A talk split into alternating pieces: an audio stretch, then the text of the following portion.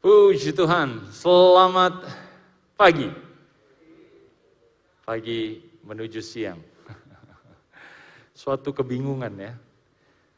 Tetapi sebelum jam 12 saya menganggap ini masih pagi, menuju siang. Seperti kita semua hidup, tetapi menuju mati, betul kan? Gak ada orang yang sedang menuju mati kemudian dibilang orang mati. Gitu ya. Oh kamu orang mati, kenapa? Karena kamu sedang menuju kematian.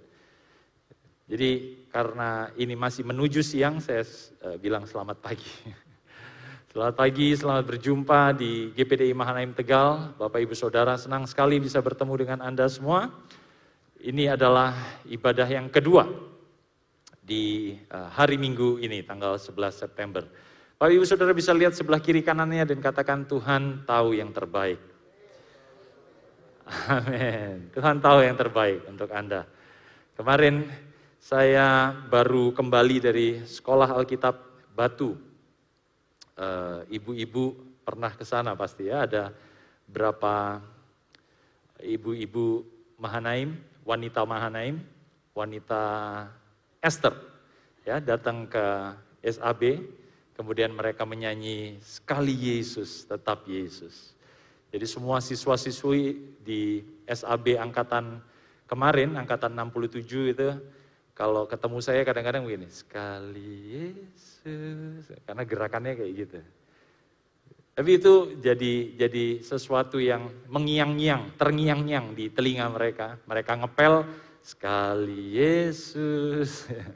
Mereka naik ke asrama sekali, Yesus, walaupun nggak lanjut karena nggak ingat liriknya.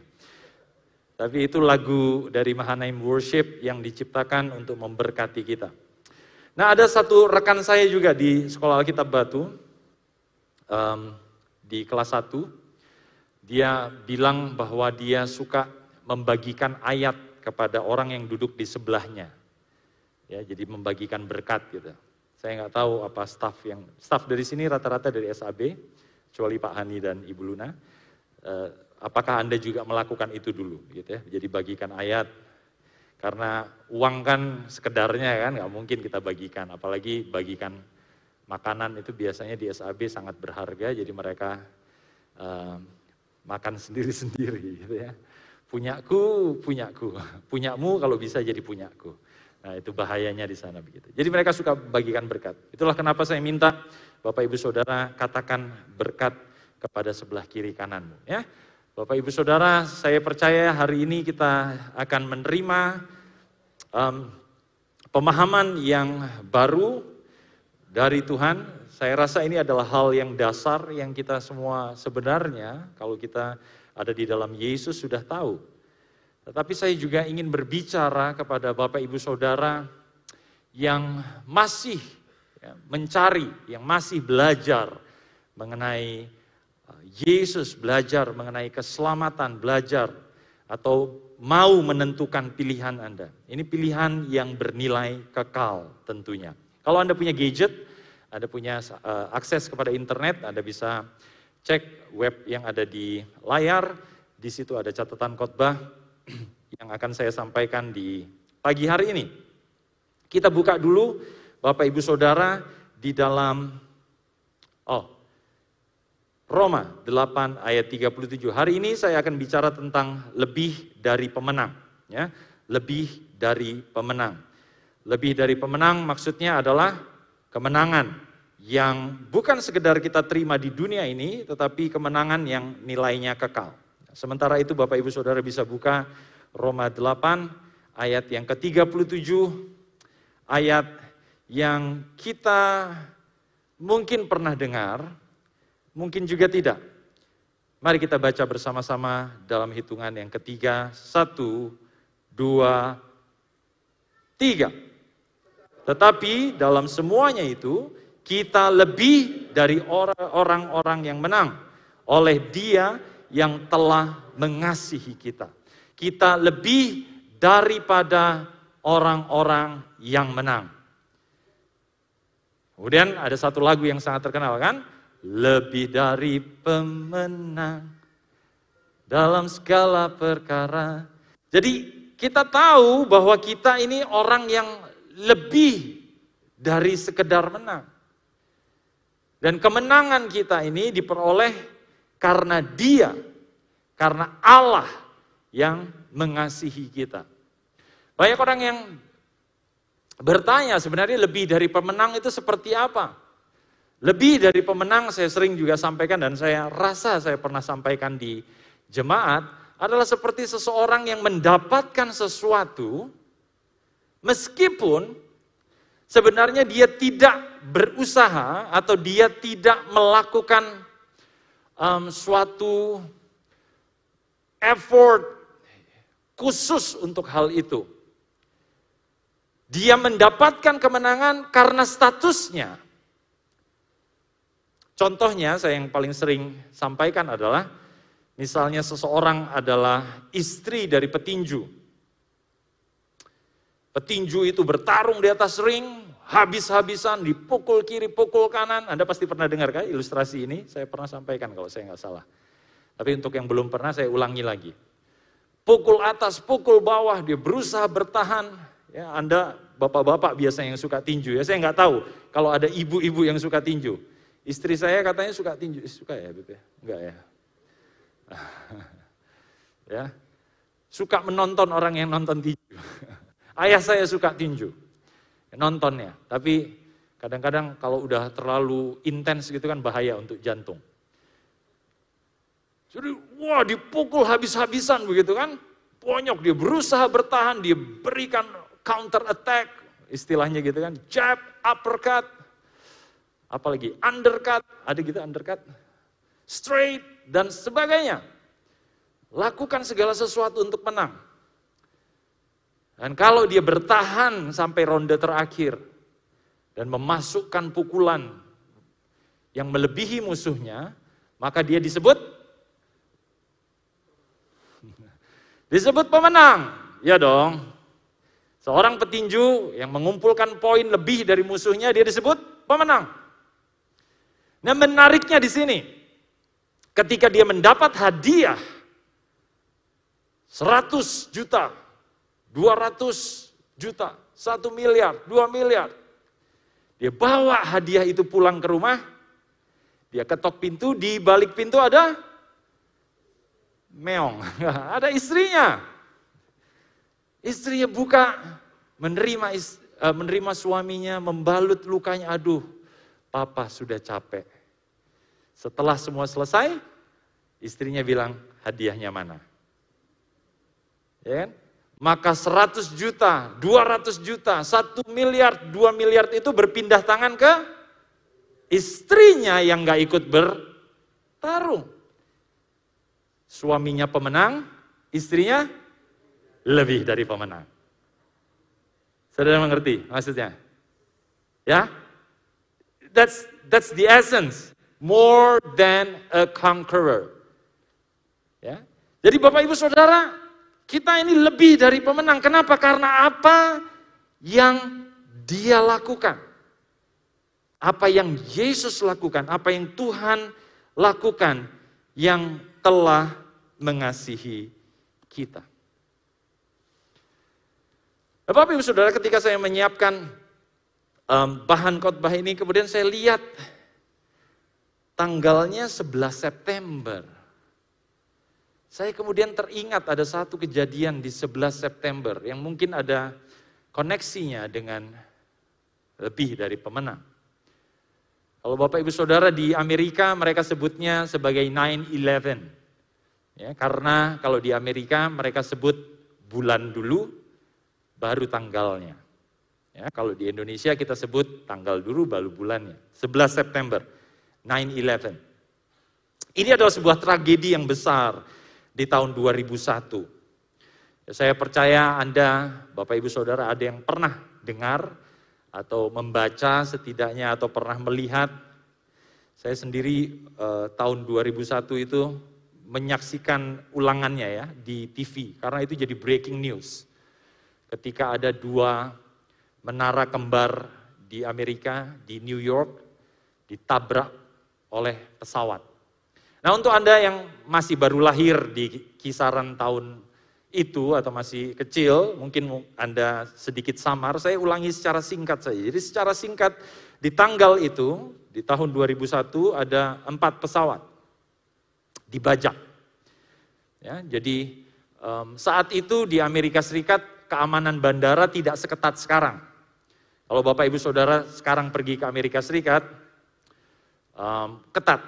Ya, pemeriksaan bandara itu saya pertama kali ke Amerika jadi seperti orang bodoh. Kayak orang baru pertama kali naik pesawat aja gitu. Saya tanya kan, ini mesti dilepas semua nih. Iya. Terus petugasnya bilang gini, kayak nggak pernah naik pesawat aja. Waduh. Saya sering naik pesawat tapi di Indonesia, bukan di Amerika. Jadi ketika di Amerika petugasnya agak-agak songong gitu lah.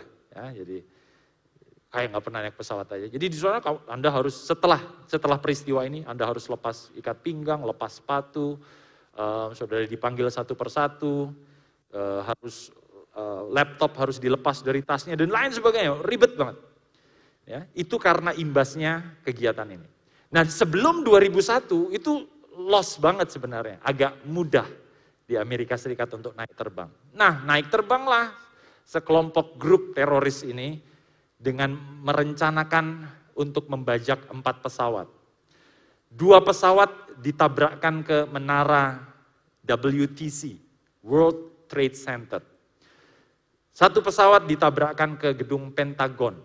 Gedung Pentagon itu markas besarnya tentara Amerika. Dan satu pesawat direncanakan untuk ke Washington DC. Ya, Washington DC. Um, pusat pemerintahan, ibu kota negara.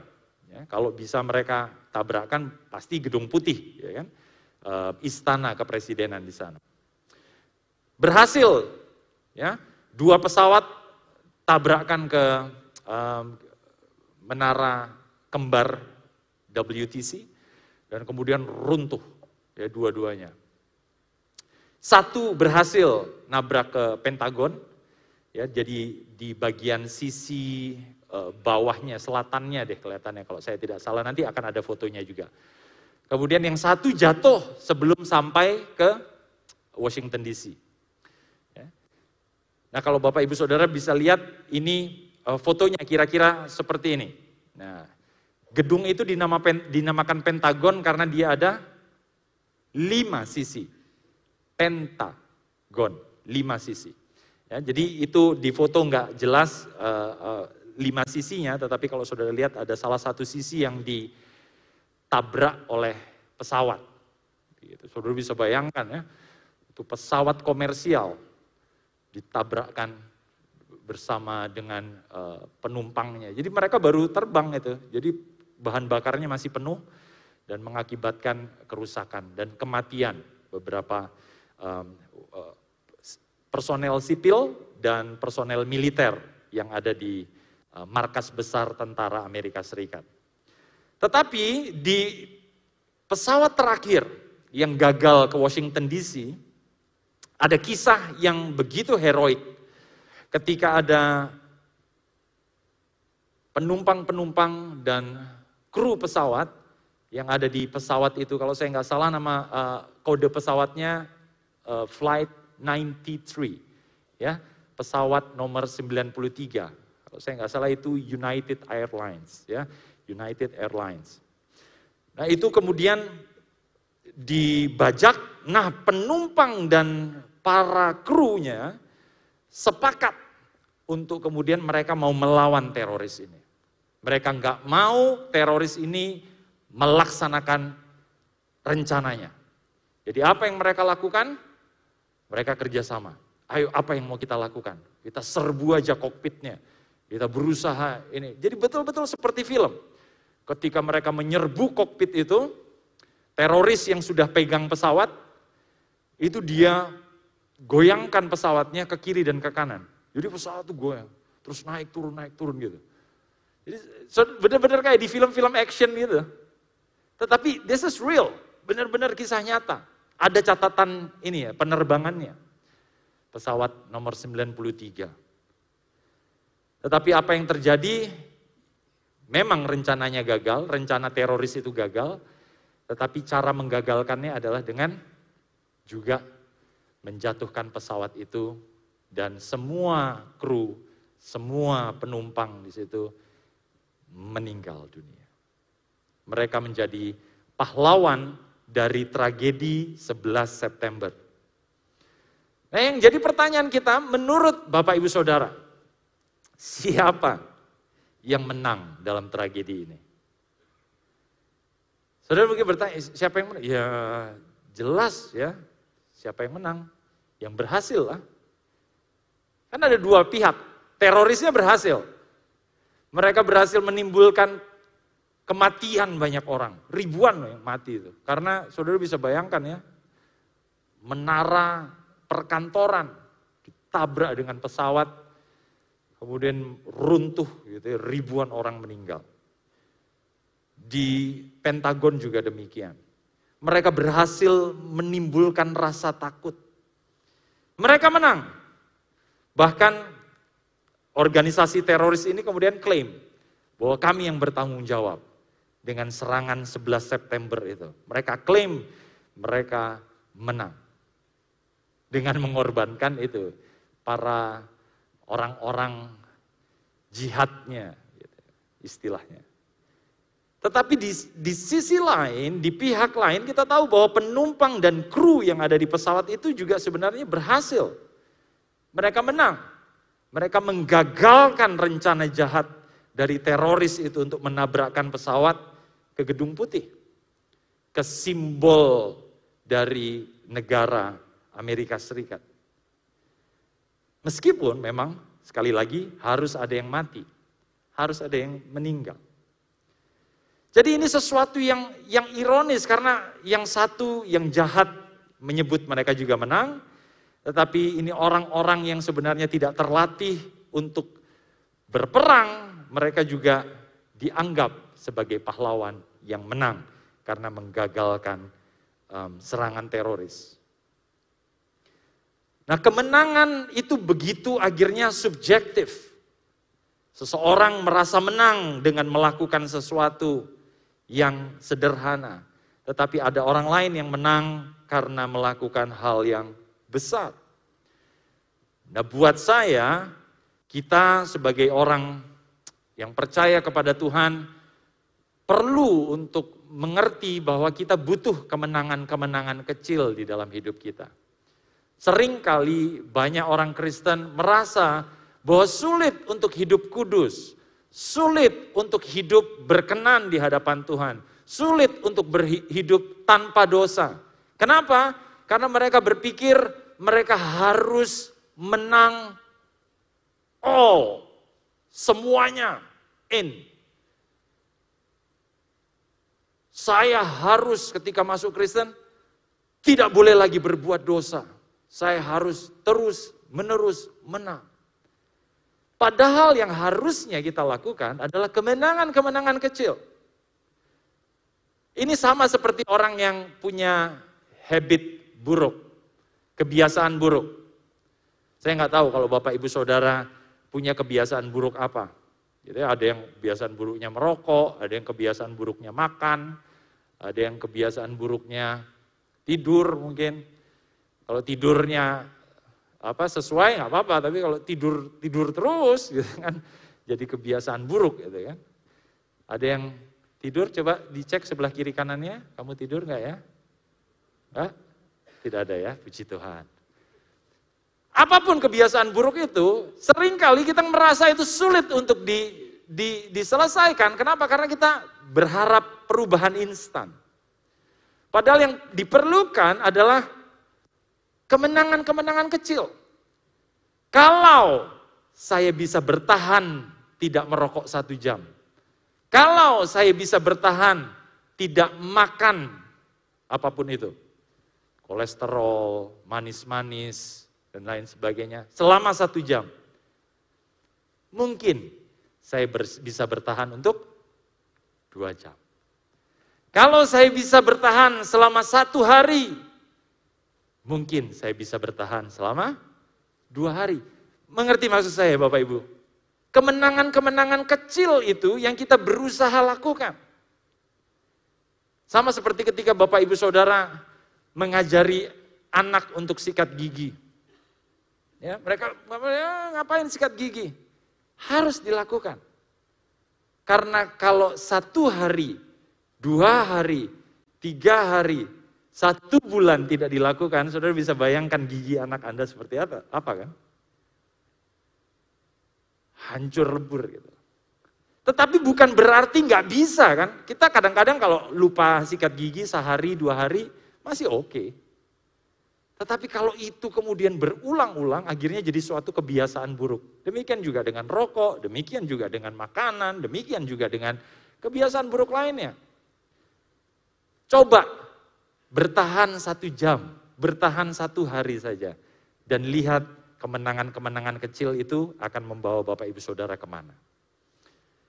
Nah, Bapak Ibu Saudara berbicara tentang kemenangan, kemenangan sejati itu didapatkan sebenarnya adalah ketika kita berhasil mengalahkan yang terakhir, yang paling sulit, yang tidak terbandingkan dengan musuh yang lain. Anda pernah dengar atau pernah main games Mario Brothers? Tahu ya? Ada Mario, ada Luigi, tonet, tonet, tonet. Pernah dengar itu ya? Itu biasanya orang-orang yang kelebihan berat badan agak agak nggak suka dengan dengan permainan ini karena soundtracknya, ya kan? Endut, endut, endut, wih, endut, endut, wih. Mereka kalau main tuh suka suka insecure gitu, main Mario Brothers. Nah di Mario Brothers ini permainan ini ujungnya kalau bapak ibu saudara tahu film ini, permainan ini gitu nanti untuk yang uh, nggak ngerti saudara bisa cek di YouTube. Saudara akan melawan musuh yang paling besar, naga.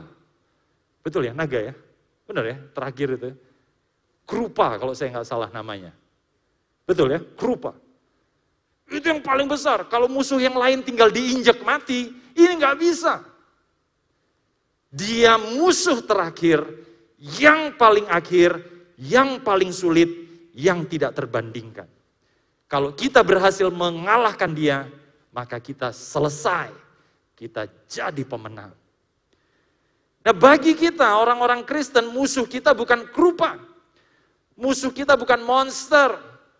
Musuh kita adalah maut, musuh terakhir. Coba 1 Korintus 15 ayat 25 sampai 26. Bapak Ibu Saudara bisa buka. Dikatakan demikian. Karena ia, karena Yesus harus memegang pemerintahan sebagai raja sampai Allah meletakkan semua musuhnya di bawah kakinya. Musuh yang terakhir yang dibinasakan ialah maut. Jadi ini musuh terakhir Bapak Ibu Saudara. Saya tahu sulit memang hidup, sulit untuk mencari penghidupan, mencari pekerjaan, membesarkan anak, segala sesuatu sulit. Tetapi sebenarnya ada satu hal yang paling sulit. Yang tidak mungkin kita kalahkan. Yang harus kita hadapi adalah maut. Di dalam kisah penerbangan serangan 9-11 yang tadi saya ceritakan, di penerbangan terakhir itu seorang pramugari berteriak, aku nggak mau mati. I don't want to die. Dia memohon kepada teroris itu. Kenapa? Karena dia takut mati. Manusia takut mati. Kita semua takut mati. Pada akhirnya kita harus berhadapan dengan kematian itu. Karena nggak mungkin mau kita makan sesehat apa pun, berolahraga sesehat apa pun, ada titik di mana saudara harus berhadapan dengan kematian. Seperti Queen Elizabeth II yang baru saja meninggal beberapa hari lalu. Teman kantor istri saya bilang, gua kira oma ini nggak bakal mati. Karena hidupnya panjang, 96.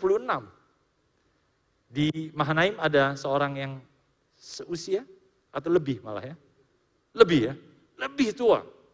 Wow, kalau kita sih berharap bisa sampai 100 ya. Ya, semoga. Tetapi at the end, in the end, Kita harus menghadapi kematian. Seberapapun kita berusaha menyangkal itu. Tetapi Bapak Ibu Saudara, musuh yang terakhir yang namanya maut ini sudah dikalahkan oleh satu pribadi. Namanya Yesus. Itulah kenapa kita ada di sini, bukan? Karena kita percaya kepada Dia pribadi yang bisa mengalahkan maut. Hal yang sulit bagi seluruh manusia di muka bumi, bagi Yesus itu sudah selesai. Yesus bangkit dan tidak mati lagi. Bapak Ibu Saudara bisa baca itu di dalam Roma 6 ayat yang ke-9. Itulah kenapa kita percaya kepada Allah yang benar. Ini bukan sekedar kepercayaan agamawi. Oh, karena saya Kristen ya saya percayanya Yesus. Kita percaya kepada dia, Yesus, karena dia berhasil mengalahkan maut. Saudara cari tokoh agama yang lain yang bisa mengalahkan maut. Yang mati, bangkit, dan hidup selama-lamanya. Ada. Hanya Yesus. Hanya Yesus. Dia adalah Allah yang kekal. Tetapi dia juga manusia 100% ketika dia hidup di, dalam, di bumi ini. Sehingga ketika kita percaya kepada dia, maka kita pun terikut. Kita pun ikut di dalam janji-janjinya yang akan membawa kita kepada keselamatan. Bapak, Ibu, Saudara, bagi kita yang percaya kepada Yesus, kematian itu bukan jembatan kepada kebinasaan. Tetapi kematian itu adalah jembatan kepada Kristus dan kepada hidup yang kekal. Katakan ke sebelah kiri kananmu, aku tidak takut mati. takut juga sih ya, kolesterol udah naik nih. Leher udah tegang nih. Tetapi Bapak Ibu Saudara, kematian bagi orang Kristen itu bukan jembatan kepada ke, ke, kebinasaan. Kematian adalah jembatan kepada Kristus. Kita ketika kita mati, kita akan bertemu dengan Yesus dan hidup selama-lamanya dengan dia. Jadi sebenarnya itulah yang kemudian mendasari Paulus berkata, Hidup adalah Kristus, mati adalah keuntungan bagiku, kata Paulus. Nah pemahaman ini harusnya jadi fondasi yang tidak tergoyahkan bagi iman kita. Presiden George W. Bush yang saat itu jadi presiden ketika serangan 9 September, dia berkata demikian, 9 September, 11 September, maafkan. Dia berkata demikian, serangan teroris bisa menggoncangkan fondasi dari gedung-gedung terbesar milik kita. Ya, karena menara kembar itu diserang, hancur. Pentagon diserang, terbakar.